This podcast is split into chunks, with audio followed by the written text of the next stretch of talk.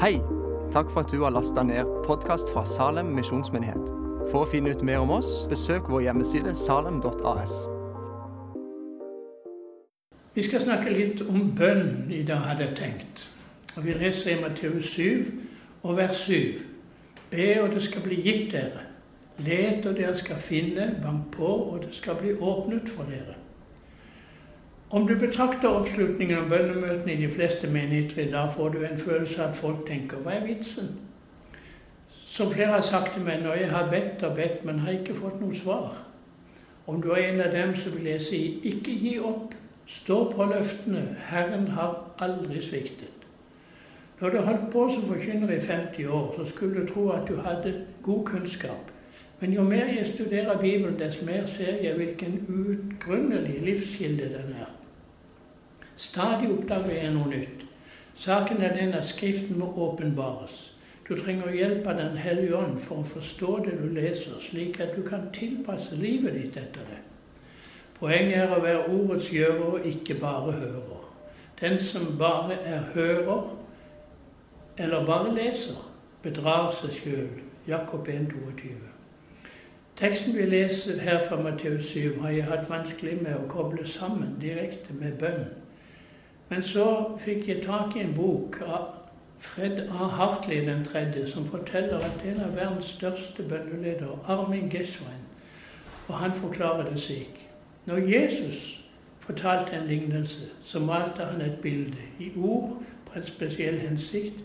I det tilfellet var dette søkelyset på tre ord. Be, lete eller søke og banke på. Disse tre ordene representerer tre nivåer i bønn. For det første be-bønnen. Her kommer svarene enkelt og raskt. Gjennom dette innbyr Jesus til en større og sterkere relasjon med ham. Bønn for meg er altså en sterk relasjon med Jesus. Det er fellesskap med ham. For det andre letebønnen. Den går dypere. Svarene er vanskelig å få, og de kommer seinere. Derfor er det mange som dessverre gir opp allerede etter første nivå. Men ettersom vi holder, utholder motstand, prøvelser og disiplin, så vokser troens muskler. Vi, oss, vi spør oss selv hvorfor svarer han ikke? Det virker som han ikke lytter. Er det meg det er noe galt med? Har du spurt Armin, ville han ha sagt omtrent slik. Jo da, Gud lytter, og det er nødvendigvis ikke noe galt med deg. Gud bare prøver din tro. Han istandsetter meg og bringer min tro til et høyere nivå. Gud vil at vi skal ydmyke oss slik at større svar kan komme, og Gud får større ære. Husker bibelverset i 2. Krøniker 7, 14.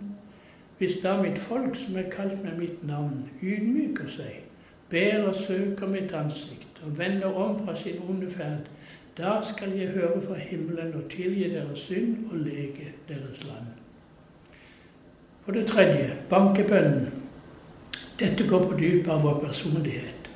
Vi kan bli fristet til å spørre når Gud har gitt oss så sterke løfter om bønnesvar, hvorfor må vi da bønnfalle ham så desperat? Bibelen har eksempler på bankebønn.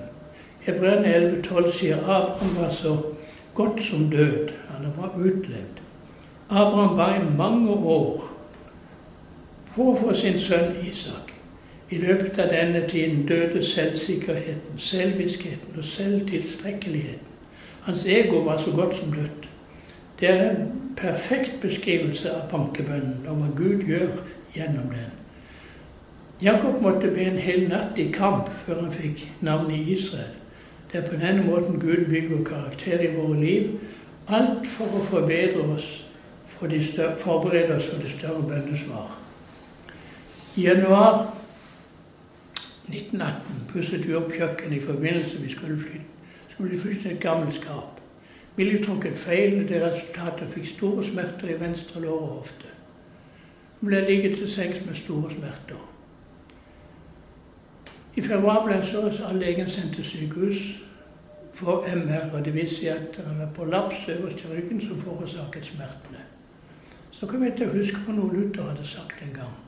Blir din venn syk, så skal du salve ham med olje og be for ham tre ganger om dagen til han er frisk.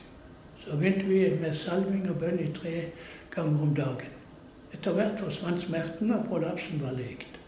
Men smerten i hofta var der fremdeles. I juli tok vi kontakt med røntgensenteret og fikk et bilde av hofta som viste at den var ganske slitt. Legen bestilte da utrydning for hofteskifte på sykehuset. Det ble satt til januar 2019. Her fikk vi vite at operasjonen kunne bli først i løpet av mai. Vi fortsatte med salving av bønn. Etter hvert forsvant smertene, men operasjonen lot vente på seg. Vi ringte sykehuset for å høre om det var bestemt, og, vi fikk, vite, og fikk da vite at sannsynligvis ikke ble noe før i oktober. Men om noen avbestilte en time, kunne Mili få den. Og det, så Den 6. september ringte de fra sykehuset og sa at vi kunne komme et brev, det skulle komme et brev den 12. om operasjonen. Men plutselig den 10. ringer legen vi kjente fra Salem, som også er en venn av oss sønn, og sa jeg tar deg på mandag den 16. Tidligere hadde vi fått beskjed fra sykehuset om at han opererer ikke, men han instruerer de andre legene. Men nå hadde altså han valgt å operere Millie. Hele tiden hadde han fortsatt, vi fortsatt med salving av bønn. Hun hadde ingen smerter. Under operasjonen var hun lokalbedøvd og lå og hørte på musikk. Operasjonen var 100 vellykket, og samtidig forlenget han foten med 1 cm. Den hadde vært kortere enn den andre. I denne perioden salgte og ba jeg familie, og jeg må innrømme at jeg, det hendte at jeg undret meg over at Herren ikke helbredet henne. Men jeg bestemte meg for ikke å gi opp, men fortsette, og etter hvert vokste min tro. Tro på Jesus, tro på løftene, og at han er med. Bekreftelsen fikk jeg da han ble fri for smerter, og så under etter operasjonen. Hun er helt problemfri, lykkelig og glad, og jeg har fått større visshet og tro på vår himmelske Fars omsorg og hjelp i alle situasjoner, slik han har lovet. Priset være hans navn. Vi søkte, og vi fant. Vi banket på, og det ble lukket opp for oss. Samtidig var, har vi en erfaring rikere på vår fars trofasthet. Denne gangen brukte han en frisk kristen lege til å gjøre den beste jobben. Gud er god. Gi aldri opp. Han er trofast, han som våker over sitt ord og fullbyrder det. På, denne måten, på den ene eller den andre måten. Mens vi venter, vokser vi i nåde og kjennskap. I denne perioden døde mye av vår selviskhet og egoisme, og troen vokste. Og når troen vokser, så vokser gleden. Bønnesvarene kommer på den ene eller den andre måte. Willy hadde et kne som skulle ha vært operert etter hofta. Men det ble ikke nødvendig, for det ordnet Herren. Han helbredet henne. Jeg tenkte lenge på at Armin Geshwin måtte være den mest hengitte og sterkeste bønnemennesket som har levd. Men det er feil. Det er Jesus. Han levde i bønn, og den siste bønnen han ba på jorda på korset. Så får han opp til himmelen og fortsetter å be. Nå lever han og går i formen for oss.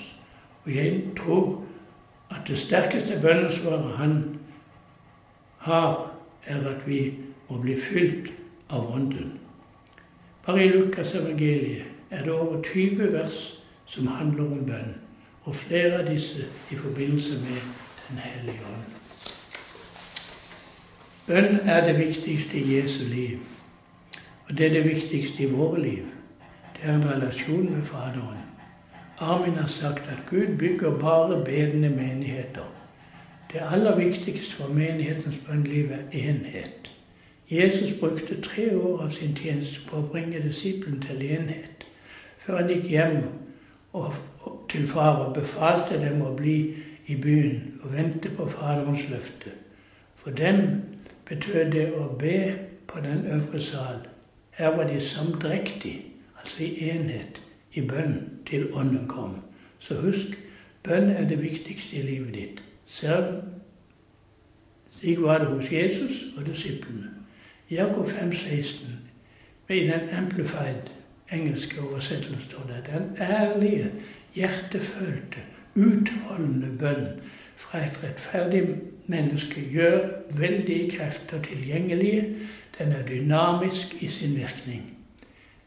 Det er lete bønnen og banker bønnen. Skal vi begynne? Vekkelsen er så nær en menighet som bønnen og bønnemøtet er. Gud velsigne.